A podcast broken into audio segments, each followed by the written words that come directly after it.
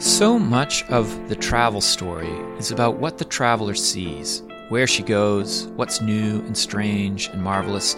But the traveler is herself strange and marvelous to the people that she meets, someone who changes shape with every new place that she goes.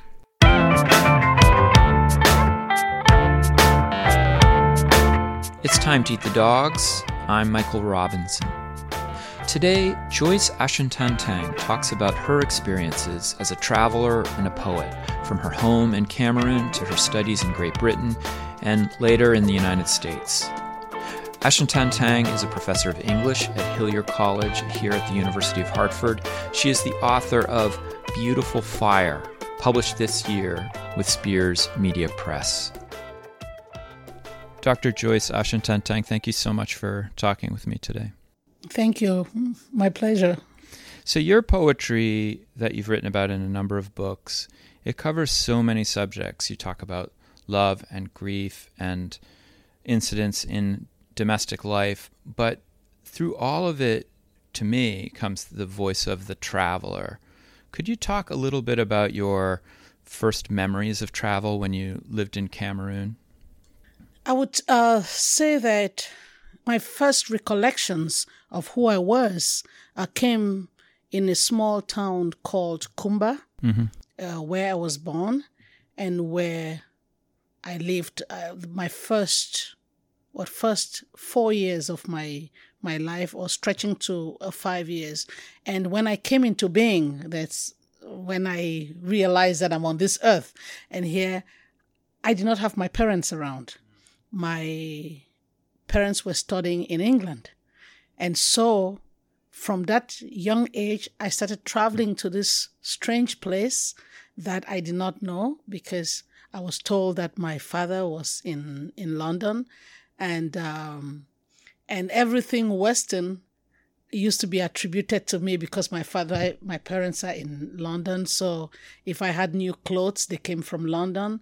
I got to learn the word telex very early because my aunt used to receive yeah. a, a telex, and so that is how I started. I I started traveling, and I was. So you were going to London, or no? The... I was not in yeah. my imagination. Yeah, yeah, So in my imagination, and um, I recall a man came. Later, I got to know that was my dad. When I was four, he visited for the first time. Wow and uh, he carried me on his lap and asked me, "Where's your dad?" And I said, "London." I didn't know he was uh, he was the one. And then when my mother returned, that was, if I remember correctly, I think that was. Uh, 1971 or mm. 72, I was the only child that went to the airport and I was seeing my mother for the first time. And I was just, I remember her legs were looking all dusty. Now I I came to learn that she was wearing pantyhose. from pantyhose. And she brought a lot of toys for me. Mm. I had um, plastic building blocks. And so again, I had been traveling in my imagination, but when she returned, now that journey became a little bit concretized because she brought a lot of toys. I had the London Decker bus you know that uh, that. And i she brought mother goose uh, rhymes books. So i have this world which later on i got to know is the world of uh, a child growing up in the uk growing yeah. up in the so so that is i would say that is the i traveled within cameroon with my aunt who used to take me because each time she had to go somewhere she took me along. And so i did lo- local travels that i remember faintly but because of my parents, the mega trip was in my head. Yeah. To the UK. And then you followed them to the United Kingdom, or at least later for your graduate work. You did uh, you did your college yes. degree in yes, Cameroon, and then your yes, graduate in, in Cameroon. So I from Kumba, of course, my parents eventually settled in a town called Buea, mm. and I lived with them there for what for ten years.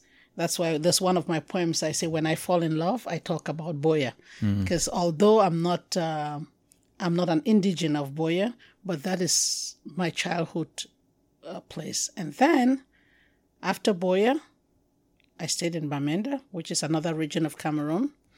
Uh, it's a northwest region. And as you know, the southwest region and northwest region make up the English speaking sections, and which makes me one of few Cameroon or English speaking Cameroonians who is really used to both regions. And so I I never fall prey to the divide and rule that they want to say the southwest and the northwest are not are not together. And then I took a leap and went to Yaoundé for graduate studies, which is the French speaking section of Cameroon. And um, what is not very clear from what I'm speaking is that with each crossing into each region, Yeah. I'm crossing over bridges of stereotypes. And this is just within Cameroon. Yeah. So, southwest, going to Bamenda in the northwest, I'm going to the Grassfield region. There are stereotypes about uh, that uh, area. And my going there made me used to the people from there. So, there's always this southwest northwest divide. You won't find me in that game because I have grown in both places. I have mutual respect. I am not distrusting of them. Then, of course, crossing to Yaoundé is crossing to the Francophone majority, where for the first time my identity really took a hit because I had grown up with Cameroon as a nation state. And later on, I looked back and I think it's um, is it Anderson that says the nation is an it's an imagined state. That's right, yeah. Yes. So what what I I thought Cameroon was came under serious attack because I grew up thinking it's one nation. We are united. I grew up during the fervor of uh, nationalism. I'm born in 1966, so I grew up with that fervor of even independence. And then Cameroon became united in United Republic of Cameroon after the federal state in 1972. So I was a child of the unification. I was just about uh, under uh, 10 years old when that happened. So I was very excited. And when I reached Yaoundé and realized that I was a minority, that English was treated as a foreign language, Yeah. I couldn't speak English in the Public in square. the public yeah. square, in the taxi. As soon as I started speaking even French, they can get from my accent that I'm Anglophone, and I become a subject of uh, ridicule. And So you felt that. I in felt that Yaoundé. like in Yaoundé, it was very clear. They made jokes of us, of our French, even if we spoke it well. uh, One of the characteristic uh, uh, humor is uh, Anglo tu m'aimes? Oui, je m'aime. It means Anglo, do you love me? Yes, I love me. To provoke that we did not know how to speak uh, speak French. And then another aspect of history also came into play. English speaking Cameroon used to be ruled by Britain as part of Nigeria, part of the Eastern Yeah. House in Nigeria. And so now we were called Biafrans because the East tried to break away. So in, in Yaoundé, I learned another label. I was uh, a Biafran, le Biafran. And um, my sense of self started suffering, my sense of identity. And fortunately for me, I was in the English department where I was taught by English speakers for the most part. But for English speaking Cameroonians who went to the sciences, the professor taught in the language, in his chosen language. And majority of the professors were francophones. So you had students in law, geography, science. They came after uh, seven years in secondary and high school. Suddenly, over 80% of their lectures were in French Yeah. and they could barely understand it to that level. A lot of them failed. If you failed, uh, I think three times, you were dismissed from the university.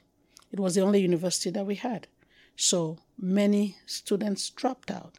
And um, it was painful to see. Fortunately, in my household, I'm the only one who went to the University of Yaoundé because I was going to the English department. All of my siblings studied out of Cameroon because of that, because they were science students.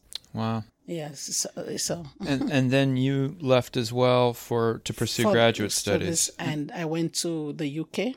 And what was what was it like for you? I mean, that must have also been a kind of a a radical shift. De- def- definitely, but interestingly, like I said, okay, I had traveled through my parents' uh, journey to England in my mind. And when they came, my uh, father studied in Sussex, uh, London, Exeter also.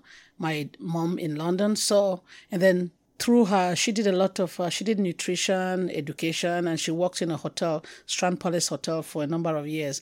So, we I had traveled to the UK through their stories, through her utensils and stuff, and there I was now in my own right. It was. It's one thing traveling in your mind. It's another thing actually being there in person. But in in in a way, it was like visiting a place that I had known. Mm-hmm. So I saw certain things. The phone booth. I saw. I, I could smile at things that my uh, parents had talked about, and I could see them in my own uh, in my own right. But in terms of identity, when I got to Wales, what I did not know is that from Cameroon, I saw the UK as one entity. Yeah. In fact, I used to have letters written to me that would say Wales, England. because a lot of my friends and family didn't have the concept yeah. of it, it was England. They didn't know the UK with Wales and Ireland, you know, so they would put all that my address and then add England underneath. And so I went to Wales and discovered something else. I remember once I was complaining about colonial uh, colonialism and um, talking, and then this Welsh. So I said, Joyce, I think we've we went went through the same thing. Like, what are you talking about? Oh, we were we were being oppressed too, and then the Irish, and then the Scottish. In fact, uh, there's this good uh, joke that one of my Scottish friends uh, told me about uh, when God was creating Scotland. That uh, he got Angel Gabriel to show the Scottish what he had in store for them, and this beautiful landscape, and it's showing, and they're wondering this is too nice. This is perfect, you know. And then says, But God, why are you giving all this wonderful thing? Where's the catch? She says, Wait until you see the neighbors I give you. you know, and then the Welsh had this postcard. It's like, keep Wales clean, throw your litter in England. so so it it was my first introduction to identity politics in, yeah. the, in, in the UK and uh, for the first time, I could align myself with a white person. Mm. in, in terms of we're all oppressed, and not surprisingly, my close friends in uh, during my days at the university were either Welsh, Scottish, or Irish, you know, because there was that shared thread that we had a common oppressor. And that's something that I would never have known from Cameroon. Mm. But then because of what what was I studying at this time? Library and information science. So, which led me to again another uh, solidifying who I was, my sense of self, because because of uh, my studies, I became very familiar with reference books, and each time I would rush to see to look for Cameroon, the way Cameroon was represented, and that's when I became sadly aware that the marginalization I had felt in Yaoundé as an Anglophone was actually replicated in the way Cameroon is represented in the global imagination. Mm. So, in terms of language, in terms of ways, language, the yeah. way uh, whenever Cameroon is presented was presented as a French country. Mm-hmm. So the English-speaking section was erased. In fact, it became even clearer when I saw this uh, book that was. Uh, was put together. Now I can is it Jahan Jans? I can't remember the uh, the the editor, but he was trying to do a reference text of uh, literatures from Africa, and he structured the book by country. And now he had a problem because he had done some work in Anglophone Cameroon. So how was he going to put Anglophone Cameroon literature? Because he was going via nation states. Mm-hmm. And and this was supposed to be Anglophone African literature. Cameroon, Anglophone Cameroon is not a, yeah. a, a, a state. So you had Ghana, you had Kenya, you had Uganda, and guess what he did? Which was good because we had some visibility, but it was painful. He put Cameroon as an appendix, Anglophone Cameroon literature as an appendix under Nigerian literature. Wow. Yeah. Because that's the only way. So he, he did a little history to, you know, they were used to be part of Nigeria. We could not get a section on our own because it's Anglophone. He's trying to put Anglophone Cameroon literature and he was not putting it by region. He was doing it by via the Anglophone African countries. Mm. And so that is when I became aware that, wow, I'm not really represented. And um, that sense of self that was already suffering in Cameroon became even acute for mm. me out there. And I, it became a crusade for me that I need to make my part of the world known. I need to speak for myself. I need to take my voice to to places. And I when I came to write uh, my PhD dissertation, that played a role in my topic because which you pursued at uh, the in New York City. In New York City, and that is very interesting because okay, after Wales, I went back to Cameroon. I went back to Cameroon, spent a few years. I went back ninety one, and I came to the U.S. ninety four, and was that your first trip to the states? No, my first trip, interestingly, was in 1987. I came as a representative, a youth representative from Cameroon. I was first year student at the university at the time, and there was a six week program here for young artists, and I represented Cameroon as an actress, and I came here, and that was interesting to me because that was the first time I got to live in close proximity with African Americans. They were actually representatives from the Caribbean and Africa and Mexico. And each time we went somewhere, they made sure that you had one African, at least a Caribbean or African American, and a Mexican to share share space. So it was my first time to get to know I traveled to England. I met students from different parts of the world, but America was a new thing for me. And I had done African American literature, but that was the first time to really interact with African African Americans. But that short stay, I didn't really see much in mm-hmm. terms of identity. I was privileged uh, during that visit. I the places I got in, I don't think I I've even entered some of those places since I got back here.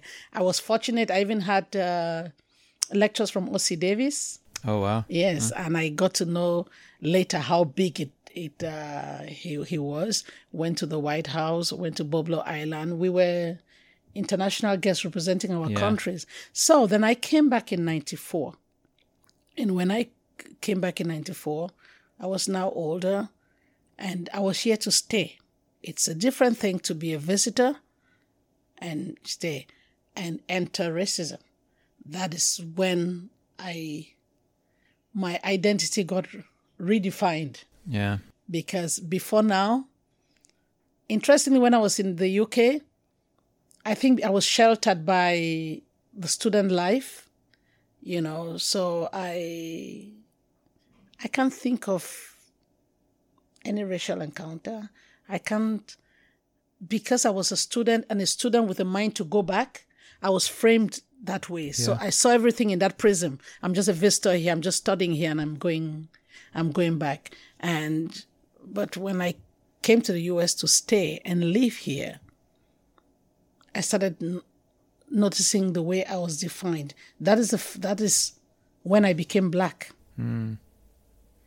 Yeah, I was thinking actually as I read your poems that some of your experience reminds me a little bit of um, the, the, Harvard historian uh, Henry Louis Gates has this uh, documentary. I think it came out about six or seven years ago on being black in Latin America, and some of the um, interviews that he does are really, really interesting. About it, it's exactly what you just said. This this moment when a person feels they've become something else, and uh, so could you talk a, a bit about that? Yes. So I I was surprised. You know, I've already dealt with the level of being a minority as an Anglophone Cameroonian. And then I enter this space and I realize that I'm also another minority here and I'm black. My blackness is not something that had defined me. It had not defined me. And they even had another nice uh, name for it, colored. Mm. You know, I was colored. Whatever. I didn't. What what does uh, what does that mean? And um, it was very interesting because when I had to fill the form, I was forced into being an African American. Huh. Eh, you know, you I weren't given any other. Option. I wasn't given an option, and each time I'm should I when they say other, should I say Cameroon American? But Cameroon does not allow dual citizenship. so Cameroon would not recognize that. What is Cameroon American? They, they don't recognize that. And African American, um, that's not that's not me. I that appellation came about because it is it encompasses Africa, but I know exactly where I'm from. So you sign that and you realize that okay, that is who you're supposed to be here. But what does that entail? And then within the black community, there are these spaces. You're continental African, you're Caribbean, you're African American, and each group seems to guard that jealously. Mm. And yet outside, we are all lumped together. And then within this push and pull, there are people who think we should be one. There are other people who look at this group as being, oh, I'm better than you, I'm better than that. And I, in order to not to get my identity further fragmented, I had to quickly come to a place where I could be whole with myself. And this is what I uh, came came up with. I I decided I'm African, I'm black, and when it comes to African Americans and Caribbeans who are black, I relate to them in a very emotional way. Mm. I and this is what I tell a lot of my young Africans that I talk to. I tell them the way I look at them is I go back to the slavery times. I think of those who came here. I want to imagine that when they got here, after that long trip, not knowing where they are, they must have hoped and prayed and dreamt that their relatives would find them. Yeah. They must have wondered, you know, some died hmm. with that, wondering whether the people, not some, all of them must have died wondering, you know, whether their families ever found out what happened to them. And so I decided to look at myself like one of those relatives who has come. And I'm not going to get pulled into any games about who is better than who, who is not. There are Africans who come here and they don't know the history. So they look at some African Americans and say, oh, they're lazy. They're lazy. Why can't they? They have all this. Why can't they better themselves? You don't know the story. History disenfranchised them, and some of that is still affecting them today. A lot of Africans who come here, they come here from middle class homes. Um, they come here with a sense of purpose. Yes, they've had colonialism. It's not the same thing. And so, so I come to that with understanding. And then you have African Americans who, because of the history, because of the brainwashing, they look at Africans and say, oh, they're not civilized. Oh, they speak with an accent. Oh, they're inferior. I forgive their ignorance. I'm not going to be drawn yeah. into that.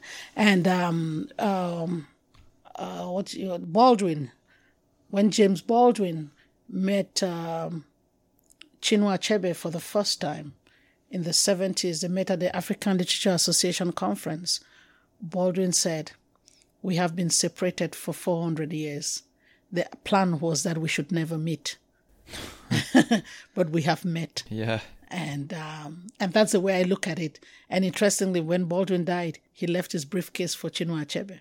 Hmm. You know, and so that is the way I look at it. These divisions in the black, uh, in the amongst blacks, it's it's a divide and rule. And so I embrace that identity uh, on paper, African American, if that's what they say I am. When it comes to the Africa, I know exactly uh, who I am, what I am, and um, it was very interesting. And at the first few years here, when I went back to Cameroon, I was conflicted about my minority status there. I'm like, wait a minute. I tried to educate them. I'm like, do you know that we belong to a bigger minority called blacks?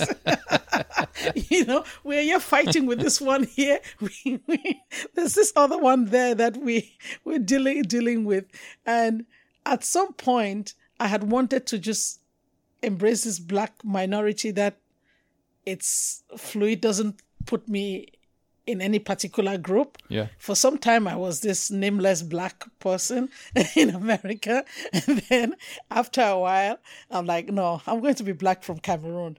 And do you feel um, you work with a lot of different students, a lot of students of color? Do you feel that they also identify you differently than an African American, or it's it's a big generalization. But do you have any thoughts about that? Yes, yes. I, um, the one thing, well, one thing that I've done is that I have tried not to keep them in a gray area as to where I belong. So day one of my introduction, they know I'm originally from Cameroon, so they know I'm African.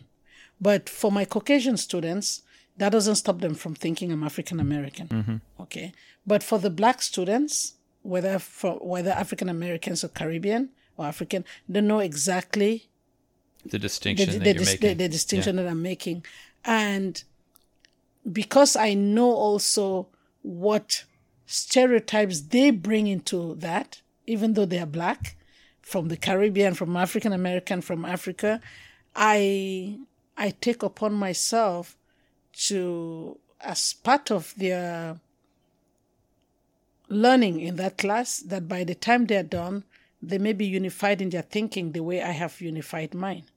Uh, because it's a big thing, these divisions between the black, and sometimes people don't want us to talk about it. It's almost like, let's keep it in house, let's keep it in house. But it's something that I want my, at the end of the day, they all have the same fears, the same uh, problems, but because I can, I'm, they're all distinct, and they come to the table with different fears and aspirations because of that uh, color.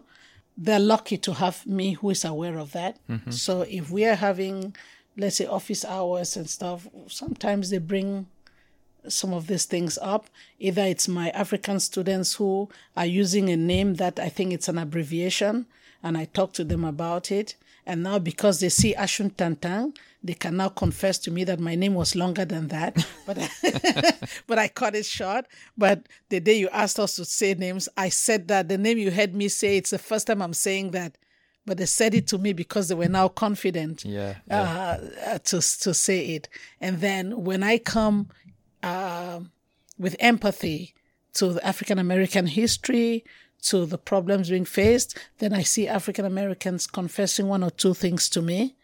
And um, now they're having more regard for the ancestral land, you know, so it's not something that they want to hide because they think it brings them down, yeah. you know. So it's um it's a very uh, interesting place to to inhabit. For example, I came to the U.S. to learn about something like Kwanzaa. Okay, it becomes so. What is my relationship to that? Should I say that this is some bullshit? I don't know. I'm from the continent. I don't know about uh, Kwanzaa. I don't know what that means. But when I read about it, when I understand how it came about, then I realized that within the setup in America, in, in America, it became important for Yeah. some of these rituals to be created, and so there's a need for it. Mm-hmm. So I may not. Yes, I don't uh, observe Kwanzaa, but I wouldn't spit on it because I understand it uh, where it is uh, where it is coming it is coming from. Yeah. And so somebody who is not educated would just maybe from the continent maybe like oh they do this nonsense this uh, bullshit. I understand it. I also understand the fact that if somebody decides to wear cowries from their head to their toe to show they're african i may not do that. Well there's something that um, but it still has meaning. It has meaning. It has meaning, and you don't have to have grown in that so, uh, in that society, or you don't you don't have to know everything about that Ugandan culture to wear it. Growing up as African American, um, just knowing that this is it's I don't even understand what that space can be. Um, one of a, a, staff member here approached me, and I was talking about. Um, we're talking about ancestral stuff. And she got very teary eyed. She says, Joyce, you can talk about places and things. I can't because of uh, slavery. But then I told her one thing. I said, but guess what? For they said there's a silver lining for every cloud. But because of slavery, you may be fortunate to have some written history on that family than I have. I can't even go beyond my great grandfather. So if you follow, if you are lucky to f- follow your grandparents and stuff, because you came out here, you may have ancestry up to a certain point that I don't have. Yes, it links to slavery, but before that, you may have these historical records that I don't yeah. I, I don't have. And she said, Yes, you're right about that, that at least she can trace her family to great great grand. I said, There you go. So you have that history that I don't have. Yes, I am from Cameroon, but because of uh, this history was not written down. In fact, it's um, I went to see my sister who just came to Canada, and I was fortunate uh, that she, because of me prodding and prodding, she had a a meeting with my two surviving aunts who were able to give a family history. And honestly, on my dad's side, we went back as far as great great grand on his father's father's side. On the mother's side, I think we went back like four generations and it ended there. And when we say four generations, maybe it's just the name. Yeah. We can't even see things. My grandfather had 16 wives. At least I'm happy that had my dad said 17 my brother says my dad said 18 but but the but the, at my birthday really he in the us here he had said 18 wives. But my sister in that interview the aunties could only remember 16 so but at least they could give us the 16 wives and each of the wives children well, that's incredible. That's incredible. So that's how far we've uh, we've we've wow. gone gone. And this is I'm giving you this is information that I just got. So I when I meet African Americans, I try to give them this thing so that there's something to hold on to. We all got dispossessed, you know, and um, but this identity, this shifting identity, and so here I am, but I still have my foothold in in, in, in Cameroon because the truth about identity is that in as much as I don't like the marginalization, but that's where I grew up. I stayed in Yaoundé for long. I'm still fond of the country and um, it still defines me. Um, but right now I'm living, you live in a space, sometimes it's limbo. In America, they tell me I have an accent. I go to Cameroon, I also have an accent. Well, I was actually going to ask you. that's kind of the you know completing the circle. What what does it feel like to go back? In fact, before you answer that question, could you read a poem from your book about travel titled "Between Airports," which is published in your book, "A Basket of Flaming Ashes"? Yes, this poem uh, definitely captures my feelings crossing those boundaries um, between airports. My goodbyes are broken pieces of me flung back. My welcome, a quilt of my fragmented self. In between are bundles of memories, wrapped in papers, sealed in bags, labeled in doubt, packed in fear, limit 50 pounds per suitcase. So when you talk about this kind of fear uh, packing? Is it the fear of the of hitting the weight limit, or is it the anxiety of uh, packing up all this stuff for the for the people back in It- Cameroon?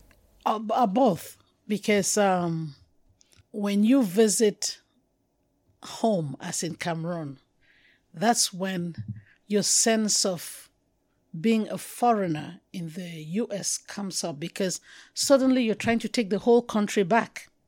You know, it's everything, even uh, soda, pamplemousse, which is a drink that I don't drink soda here in the US, but I'm trying to bring soda across the border because I grew up drinking pamplemousse and I like it. I want to bring pam- pamplemousse.